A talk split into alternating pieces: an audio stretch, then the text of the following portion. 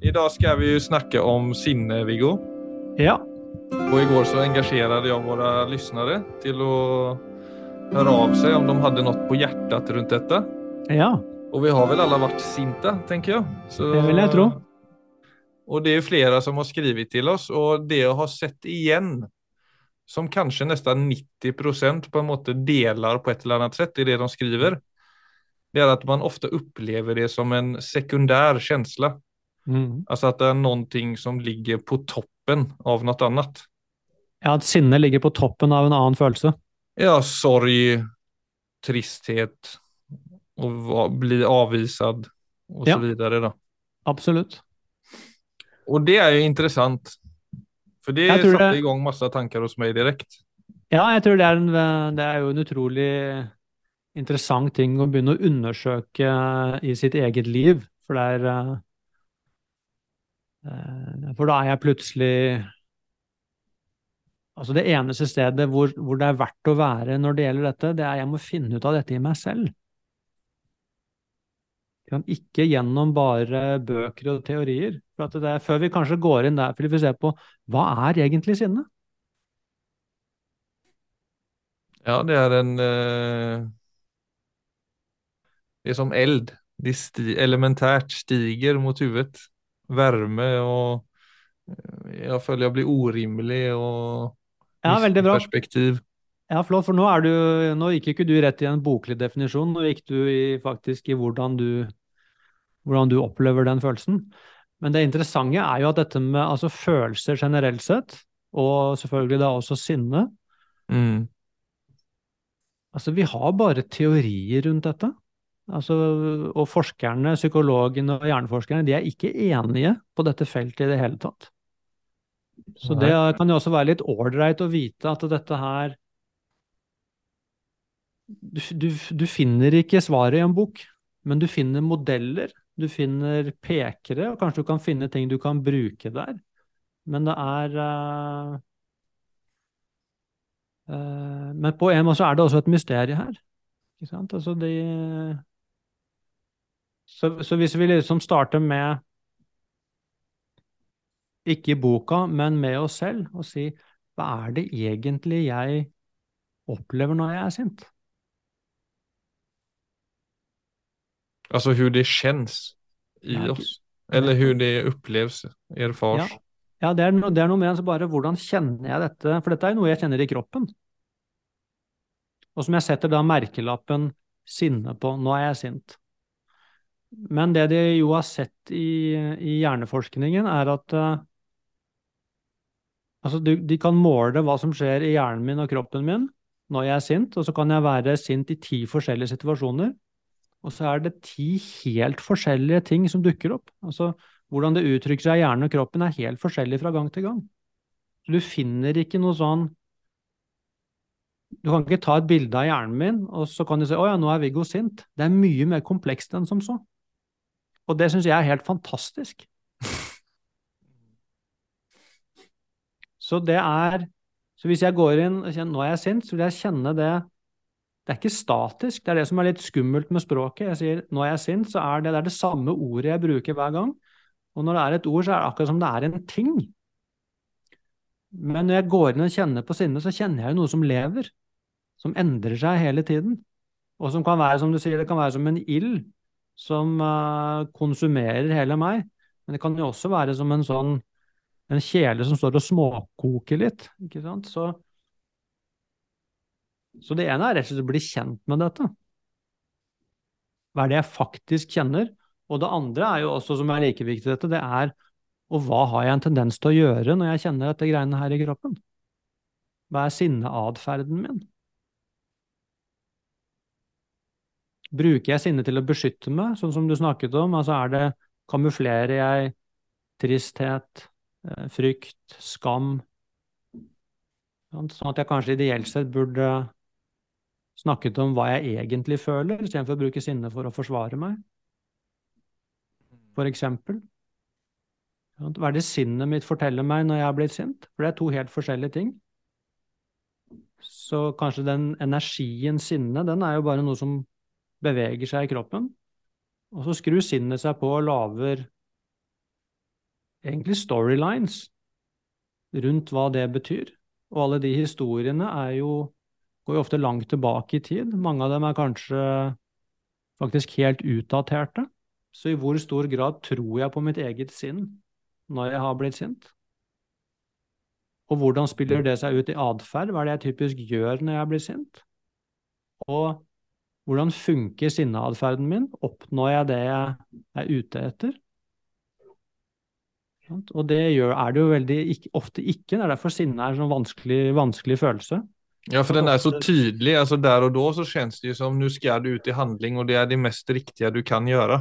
Mm, nettopp. Og bare kjøre på. Til og med kjøre over et menneske, om det nå skulle være så. Absolutt. Og det kjennes så riktig ut der og da, og det kan til og med kjennes litt deilig ut. Ja, og så efteråt så ser du bare oi. Ja, i verste fall. Ja, i mange, mange fall mener jeg på. Spesielt, ja, jeg, men også det som folk snakker om, det er den der forkledde sekundære känslan. Mm. For meg er det ofte forbundet med skam, har jeg lagt merke til. Ja. Og ja, det er jo sånn i relasjoner, men også det når man kjenner sorg, og man liksom er uformøgen å håndtere den sorgen, eller ta ansvar for den følelsen, så er det noe så lett å projisere det ut mot noen eller noe annet da, med, med ilske. Men, men, la oss ta den, for den er fin, Philip, som et eksempel. ikke sant? Altså, La oss si det er en situasjon, og så kjenner du på skam. Og så blir du sint, og hva er du altså Du bør ikke, du bør ikke fortelle helt sånn, men sånn, hva kunne du liksom typisk, hva er det typisk du kan gjøre da? Nei, det er jo på en måte å rettferdiggjøre et beteende som jeg egentlig ikke står for. Ja, kjempebra. Altså noen ting jeg har gjort som jeg egentlig vet er fel, men så forsøker jeg å komme meg ur den situasjonen med å være liksom ekstra tydelig, extra... ja, istället för att då säga okej, okay, nu är det faktiskt jag som sitter på en følelse som jeg er oförmögen å håndtere, og så tar jeg det utover deg, da. Ja, det er veldig, veldig, veldig godt eksempel. Og det, og der er det jo veldig Så det, det tror jeg er én typisk sinnesituasjon som, som, jeg tror veldig mange vil kjenne igjen. Og det er klart, det er jo der vi trenger Vi trenger egentlig å bygge opp et uh, kanskje et litt større register på å både bli kjent med følelsene våre og håndtere dem på, altså på klokere måter. da. Ja, men der, tror jeg, der føler jeg liksom sånn litt tilbake til det vi snakker om. For der handler det litt om å ta ansvar selv. Altså, det er en mm en ilske vi skal gå inn på litt tidligere, som, eller litt senere, tenkte jeg, som er litt mer det der med å sette grenser. Mm, som mange opplever som positivt, men just det å ta ansvar for sin egna orimliga ilske. då. Yes. Det føler jeg peker litt tilbake mot det vi har snakket om, at man har ikke helt noen følelsesmessige ritualer for det å bli voksen. Mm. Altså at man følelsesmessig ofte er et barn eller gir uttrykk for mange sånne pu pubertale, litt barnslige følelser. da. Ja, veldig.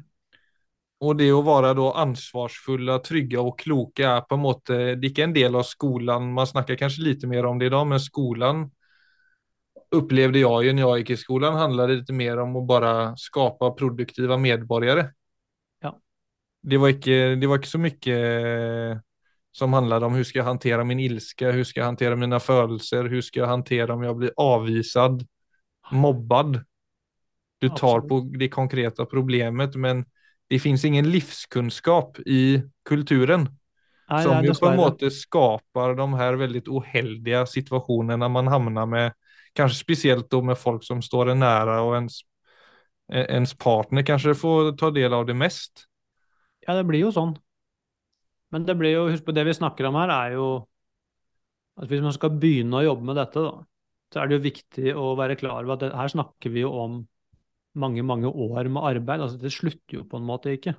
Og kanskje ordet arbeid også blir feil. For at det å, det å begynne å reflektere over min eget følelsesliv og mine egne automatiske tanker og reaksjoner, altså det slutter jo aldri. Men det er jo også noe som vil øke livskvalitet. Så, så det er jo i den grad det er en jobb, for det er det, det er en jobb å gjøre. Men det er en jobb som åpner opp livshorisonten. Ja, og det er en jobb. Jeg mener, om du har et jobb og du skal få noe ut på andre siden, så er det også en innsats som må til. Og alt som er av kvalitet trenger jo en viss insats. Men, men Philip, det, altså, her har du sagt noe veldig fint. for at det, det er, Hvis vi snakker nå om følelse, om sinne da, som en sekundær emosjon, for det er det det ofte beskrives som, Mm. som bare betyr det at når jeg er sint, så ligger det alltid en følelse under. Og det jeg husker første gang jeg hørte det, så var det også for meg en sånn, det var en utrolig nyttig, nyttig informasjon å få. Ja, nyttig blikk. For med en gang jeg ble sint, da, så begynte jeg å leite. Altså sånn, hva er det Er det noe under her? Og det var jo alltid det. Så det er, den, det er den ene biten, og, da, og det blir jo da mitt ansvar. Det ansvaret må jeg ta selv. Og da egentlig lære meg til å gjenkjenne hva som faktisk skjer i meg. Og så blir det da å tørre å sette ord på det. Sånn at neste gang jeg kommer i en situasjon hvor jeg føler på skam, og så kjenner jeg at jeg blir sint og får lyst til å forsvare meg, så er det noe med å kunne stoppe opp og si Vet du hva? Når du sier det, eller når det, det skjedde, så kjenner jeg faktisk på skam. Og det er så vond følelse at jeg bare får, jeg begynner å fekte, og så begynner jeg å forsvare meg, men det, men det er egentlig skam. Mm. Og det er klart at den som står i andre enda, og særlig hvis det er en, altså partneren din eller en nær venn, sånne ting, vil jo, da vil du se at det blir nærhet med en gang. Sinne sant? Sinne, skaper jo avstand. Jeg fekter jo for å beskytte, jeg vil ha den andre bort, for dette dette er ubehagelig. Og hvis man kommer inn i den type mønster, da, i et partnerskap eksempel, så er jo det, i verste fall så fører jo det til at forholdet tar slutt. Det Mm. tar, jo, det tar jo bort nærhet og intimitet og, og det å virkelig snakke sammen. Så det er klart, i det øyeblikket jeg er Det er det man kaller å være sårbar. Altså Det er sårbart å si det, vet du hva, nå føler jeg på skam. Men i den nakenheten så vil jo da ofte så, så kommer plutselig kjærligheten på. ikke sant? Altså Forståelse gjenopprettes. altså det er, det er så mye bra som skjer når vi kan begynne å snakke om det som egentlig skjer. Ja, for det er nettopp det. Og det er derfor den er så leskig, opplever jeg. Og ofte urimelig. Altså I det at den er forkledd, så blir jo dialogen eller møtet mellom menneskene også forkledd. Mm. Så det blir på en måte inget grunnlag for å eh, komme ut på den andre siden helt, kan du si. Og så har jo den sinnen også, opplever jeg kanskje spesielt her oppe i Norden, er jo også veldig lite attraktiv. Altså mange hyser et veldig stort eller man, mange tycker man, man er redd for den, ikke sant? I mange andre deler av verden så jo ofte sinne noe du gir uttrykk for, og sen er det bare god stemning etterpå. Ja. Der den er mer tydelig, kanskje kommer da mer fra et grensesettende grunnlag. Ja, jeg opplever det også sånn at vi Altså, sånn, altså i Skandinavia, da, så er altså sinne er en følelse som eh, altså, man helst ikke skal uttrykke for mye. Altså det er uh, Så jeg tror det er uh, absolutt noe Det er en vanskelig følelse, og den er litt tabubelagt her. Men jeg tror også det er fordi altså, Det er ikke uten grunn. For det er klart, altså, et øyeblikk, da. Et øyeblikk av altså skikkelig drittsinne. Altså det kan faktisk ødelegge, det kan skade en relasjon for livet. For, det noe, for det er en så varm følelse. Så i Mm, sin- Den er ubehagelig det, ja. Ja, altså Uttrykt på sin absolutt sånn ukontrollerte, ville måte, så kan den, den, den kan rasere en relasjon, faktisk. Jo, men tror du ikke den kommer av en sånn fortrykthet? Ofte. Jo da, det, For Jeg vil den sunda, den sunda vreden da, om man skal si det, det kan jo typisk vara, eller sund og sund da, men som på en måte er nødvendig. Altså, her om dagen var jeg ute og gikk med, med Leo. Det er et eksempel der jeg eh, kunde blivit fullstendig eh, galen egentligen. Men jag var ute och gick, alltså han är i åtta månader och så är det, går vi på Bogstadvägen i Oslo så är det en skåpbil som backar mot oss där jag går med barnvagnen. Mm. Och han stoppar två centimeter från vagnen. Ja. Och det är som ett lock som bara går rätt av. Men den ilskan den dyker ju upp för rädslan för mitt barns liv. ja, er du gæren? Så det er jo da frykt som ligger der, men det jeg mener er Nå kom jeg inn på det, men det jeg egentlig ville lande i, var jo den du snakker om som ødelegger, da. Den kjennes jo mer som noe som har vært marinert over tid. Jeg tror jo om vi har en sunn kultur, da, eller et sunt forholdningssett til sinne, så tror jeg jo mer på at den kan fungere til sin hensikt og være mer grensesettende. da. Ja, i høyeste grad. Så det er eh, jeg, nå, nå, snakket jeg egentlig bare om den altså Jeg tror grunnen til da, at følelser er blitt en sånn litt tabubelagt følelse, er nettopp det at i sin verste form så er den så ufattelig destruktiv. Så, så det er derfor selvfølgelig mange også da heller undertrykker den følelsen eller prøver å late som ikke den er der, istedenfor å gå inn i nettopp fordi den er blitt Det er noe der som er skummelt. Ja, men Har det blitt sånn, har det blitt en usunn følelse da, eller mener du at det kan være en naturlig følelse? Nei, det, er jo høy, det er jo en kjempe, det er både naturlig og en veldig viktig følelse, selvfølgelig. Altså, som, og jeg syns eksempelet ditt når du er ute og går tur med Le, illustrerer jo nettopp det. Altså den eh, altså Jeg tror revolusjonspsykologien så vil det beskrive altså sinne som den mest aktive følelsen. Mm. Så de, de leter jo hele tiden etter ikke sant? Altså sånn eh, Altså hva har vært nytteverdien ved disse følelsene? For, for, å prøve å forstå dem gjennom evolusjonen.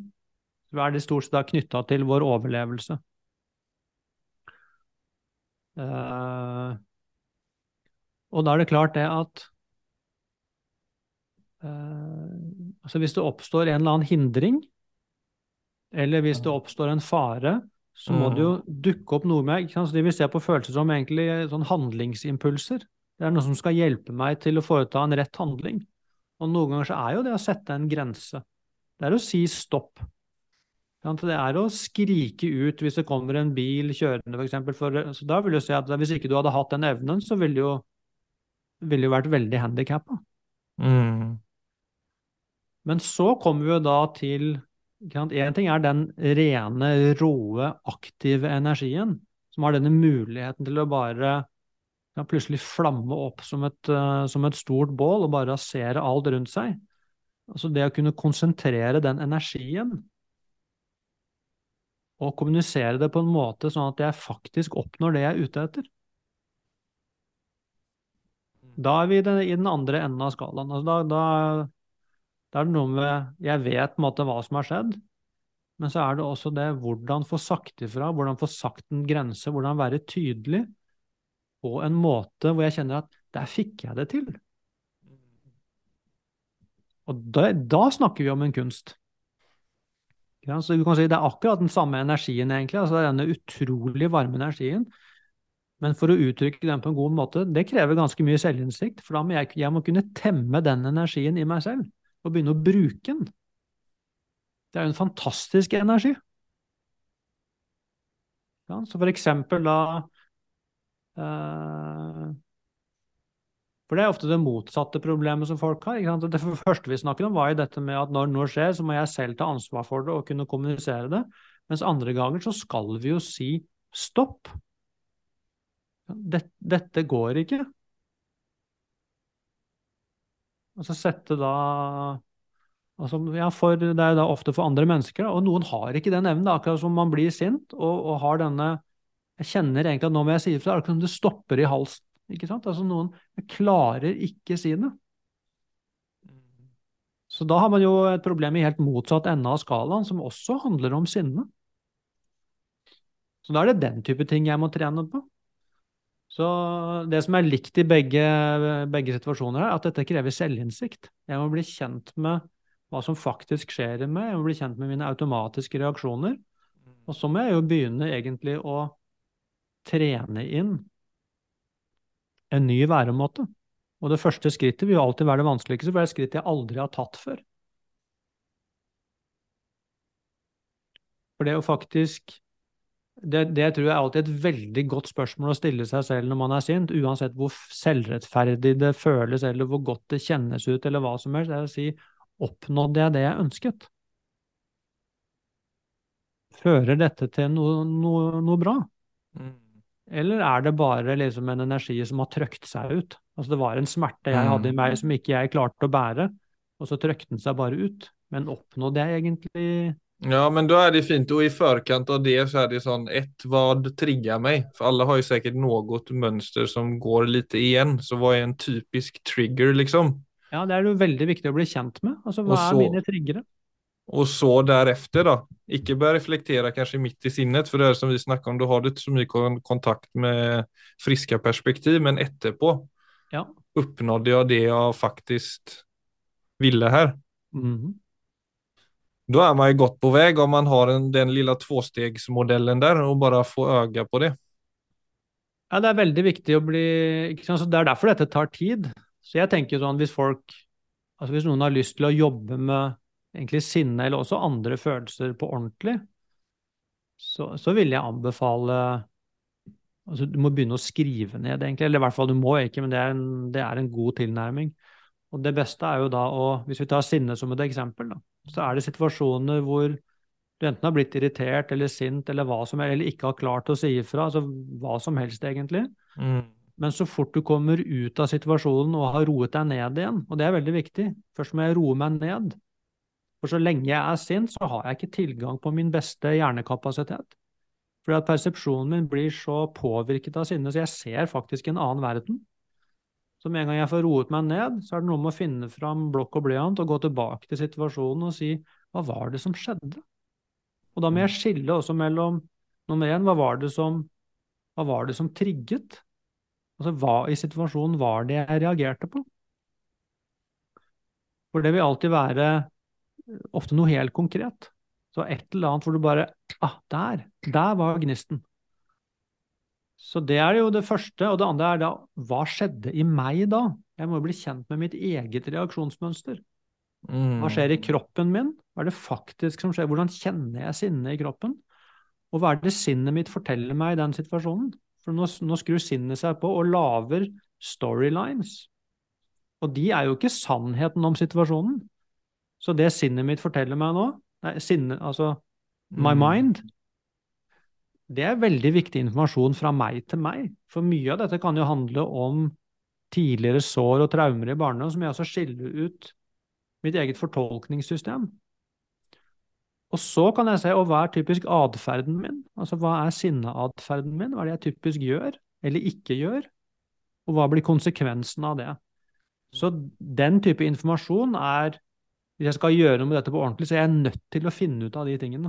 Ellers så er jeg blind. Og så kan jeg begynne å se fra den jeg er i dag, altså sånn fra mitt aller klokeste, Mm. så kan jeg begynne å se på hva er det situasjonen trenger? Hva ville jeg sagt eller gjort hvis jeg hadde vært på mitt beste? Hvis jeg har det problemet at jeg uttrykker synder for sterkt, så må jeg finne ut hva kunne vært en balansert måte å uttrykke det på. Og hvis jeg er en som ikke tør å si ifra, men si men hvis jeg hadde hatt motet til å si ifra, hva, hva ville jeg gjort eller sagt da? Og så må jeg egentlig begynne Og før jeg kan gjøre det, kanskje jeg må begynne med å visualisere det. Og så kan jeg begynne med å snakke til en vegg. Jeg Kan begynne å snakke til en tom stol, hvor jeg forestiller meg at det sitter dette mennesket. Og så vil hjernen etter hvert komme i gang, sånn at du etter hvert vil du kunne gjøre det i situasjoner. Men er eh, Der er vi veldig forskjellige, men altså det er sånne tenker jeg egentlig gode prinsipper i dette. For å Jo, men jeg tror det ligger mye i, i den kulturen også. Så som när, när du säger det och det, du säger liksom för vissa så är det svårt att uttrycka det. Och jag tror när det är, när det samtidigt är en så opopulär och oattraktiv eh, eh, o- oattraktivt uttryck då. mm. Och just då att det av den grund ofta är förtryckt och oförlöst och när det väl kommer ut så kommer det ut på en väldigt osund måte. Mm. Så blir ju det någonting som vi ikke är så bekväma med vid att hantera. Absolut. Och jag kan ju känna det så som här, nu har jag ju bott länge i både Norge och Sverige, men en sån modell som inte är helt främmande som jag ofta kan se, det är ett sånt ett sånt skevt smil nästan bakom och så bakom där göm- gömmer det sig liksom en, en liten aggressivitet. Mm. Alltså Ja. det är förklädd i den formen också. Ja, I, det går ikke å uttrykke det, men det, det lyser igjennom at det er noe der. Ja. Og det er jo bare den verste formen nesten. Det er jo så ekstremt ubehagelig. Ja. At det er noe sånt småputtrande, giftigt som ligger og gnider liksom Sammenbiten smerte. ja. ja. Det liker man ikke. Nei, det er jo veldig ubehagelig, for at det Altså, da er det jo ikke et møte. Altså, det er det som er Det er det som også ligger imellom, altså sånn oss mennesker imellom. Hvis ikke vi altså er ærlige med hverandre, ærlige og autentiske og snakker om det som faktisk er sånn, så møtes vi faktisk ikke. Det kan stå to kropper der, og de kan kaste ord på hverandre, men det er ikke et, er ikke et møte.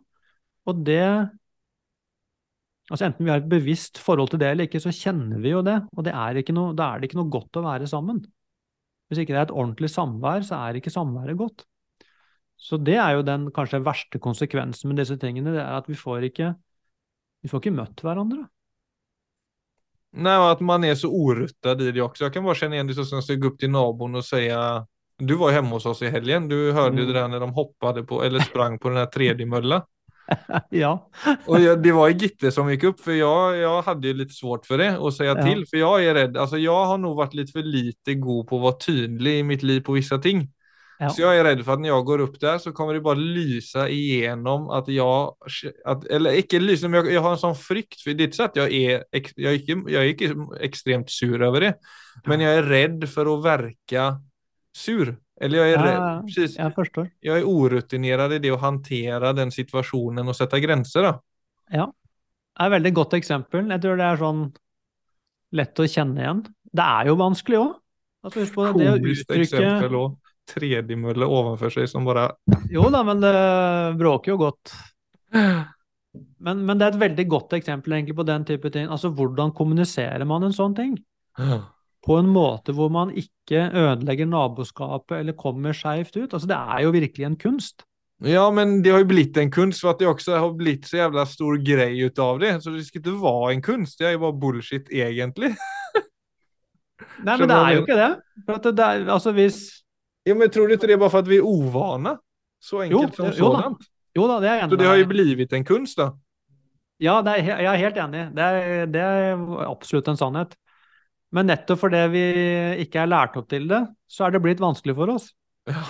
Men det er klart, hadde vi lært å identifisere disse tingene og snakke om det fra tidligere, så ville vi jo ikke tenkt på at det var noe Det er ikke noe annet å si som at vinden blåser, og nå er, det, og nå er vinden litt varm. Eller nå, nå, blåser vinden, og nå er vinden litt kald. Det, det er jo like ukomplisert som det. Ja, ja, ja. Og, og det er en, en, god metafor for følelser. Det er vinder det er, vinder, det, er, vinder, som går gjennom systemet vårt, og de, så følelser er som været. De endrer seg hele tiden. Er i konstant bevegelse. Og det mm. å, å liksom sjekke temperaturen inn og være i kontakt med det, er jo utrolig viktig. For at det, alle de vindene som er inni meg, de kommer jo ut gjennom munnen min, og ut gjennom eh, språket mitt og ut gjennom handlingene mine. Mm. Så det er jo mm. greit at jeg uttrykker det som jeg har lyst til å uttrykke. Ja, det är exakt det, för du var inne på det i förra episoden också. För det går ju lite igen till det att vara och ha. Jag är ju mer opptatt av hur jag framstår i en sån situation än att bara ge uttryck för någonting som är sant. Ja. För att man också är rädd för hur det tas emot och hur han eller hon eh, slänger vad, hon kan, kan, vad som kan komma tillbaka. Men det är sånn, hvis alla bara hade kommit av att ge uttryck.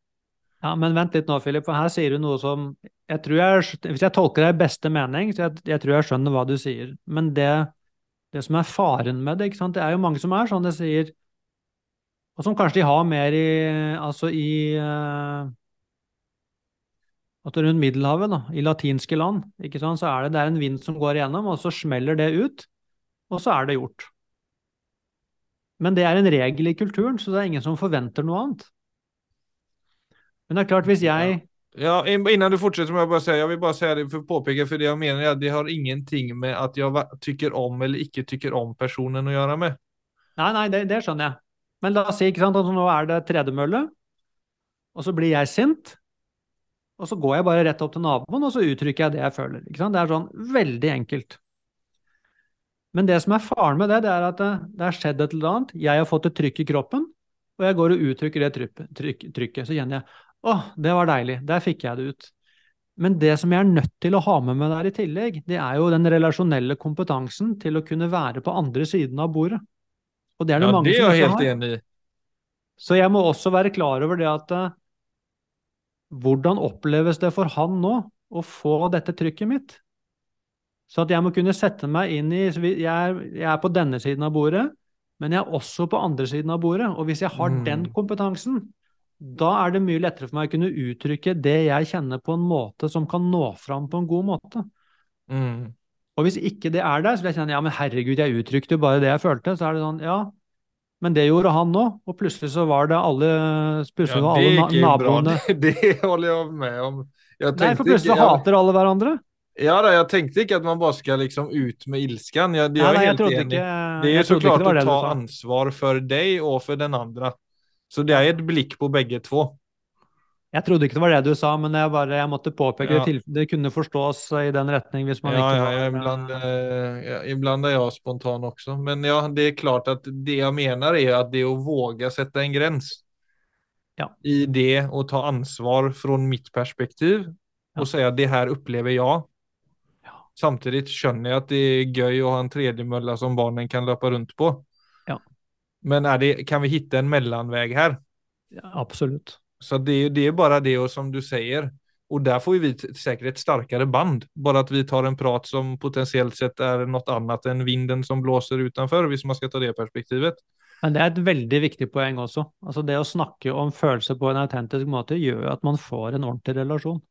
Ja, for da viser man også interesse, som du sier, da, hvis du holder den døren oppe mot den andre. Ja. Så är ju det i sig själv någonting som blir väldigt verdisatt Ja. Du bryr dig om begge situationer. Ja, absolutt. Ja, nej men eh, alltså jag tänkte lite på det för det är ju nu har vi snackat om det på no, nå- från några perspektiv och jag, jag vet ikke om vi sa nok om det. Alltså det är så mange som har den för som alltså det er en ful følelse som man på en måte har parkert. Vi har jo snakket Mm. lite om det.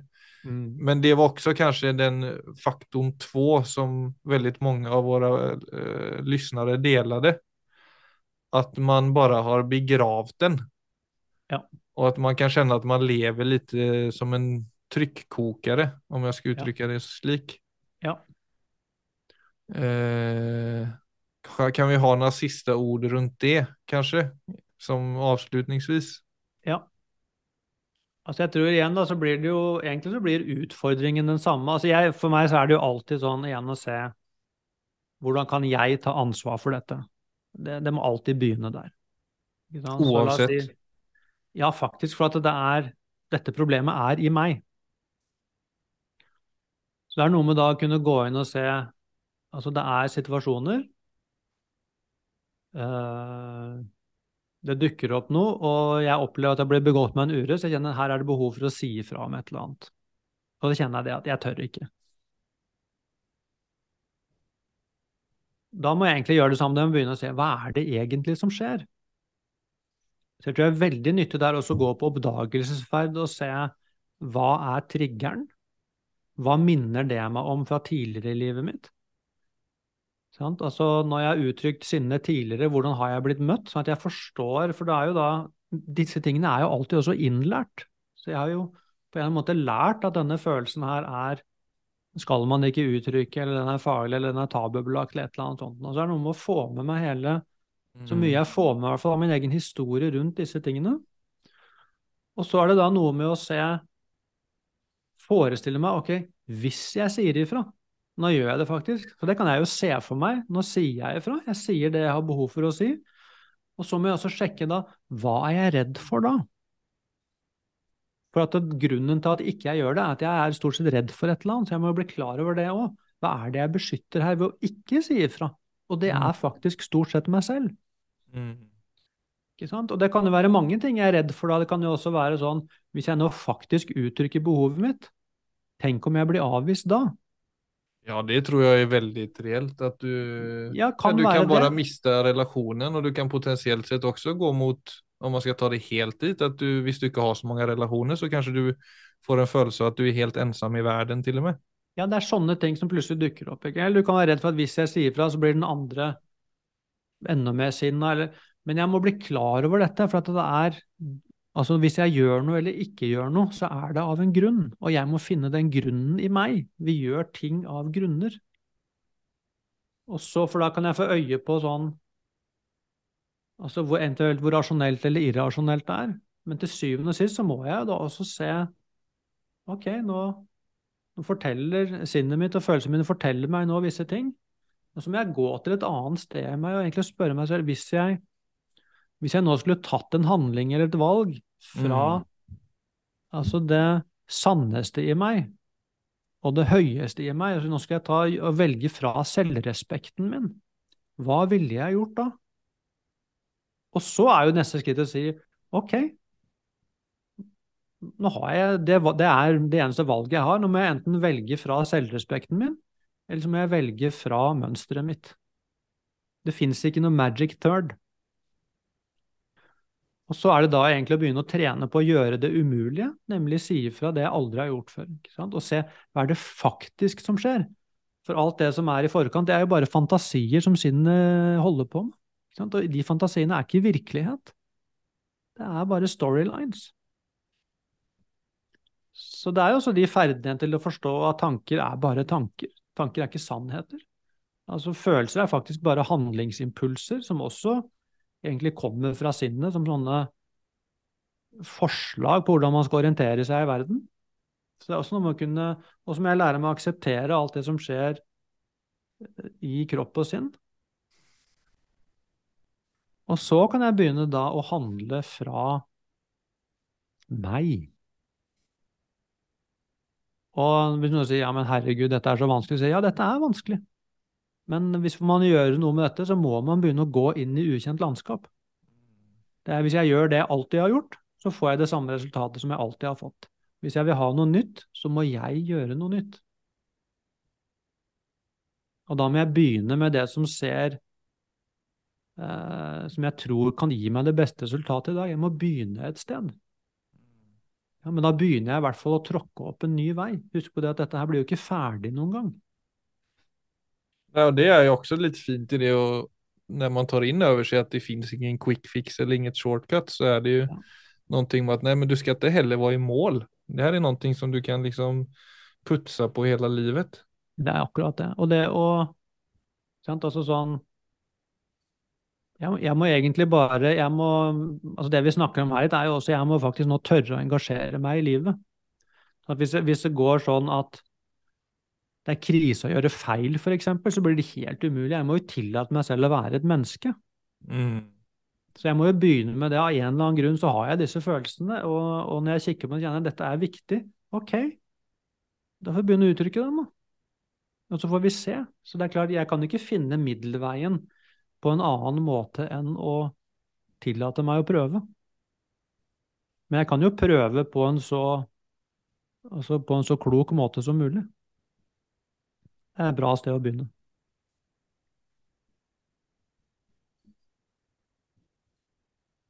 Den syns jeg er en fin eh, avrunding. Ja. Dette er jo et tema som er nesten altså Når vi først har begynt på det, som jeg kjenner er helt utømmelig. Altså, så bare sånn, altså Nå har vi sagt bitte, bitte lite grann om denne følelsen. Det er en veldig kompleks følelse. Det er selvfølgelig mye, mye mer til det. Så bare så det er mm. sagt. Så vi kan jo se om vi får noen reaksjoner på det, vi skal snakke mer om det, eller om vi bare skal si ja, nå har vi toucha innpå litt. Så... Ja, og som jeg innleder med, så kommer vi fortsette med å hente innspill fra dere som lytter. For vi ønsker at denne podden til en viss grad, eller gjerne så stor grad som mulig, gjøres sammen med dere. Det er bare veldig gøy for, for oss. Så en liten dag eller två innan eh, vi går på så kommer jeg dela det på Facebook så får ni möjlighet å være med. Supert. Okay, Tusen takk for i dag. Takk for i dag.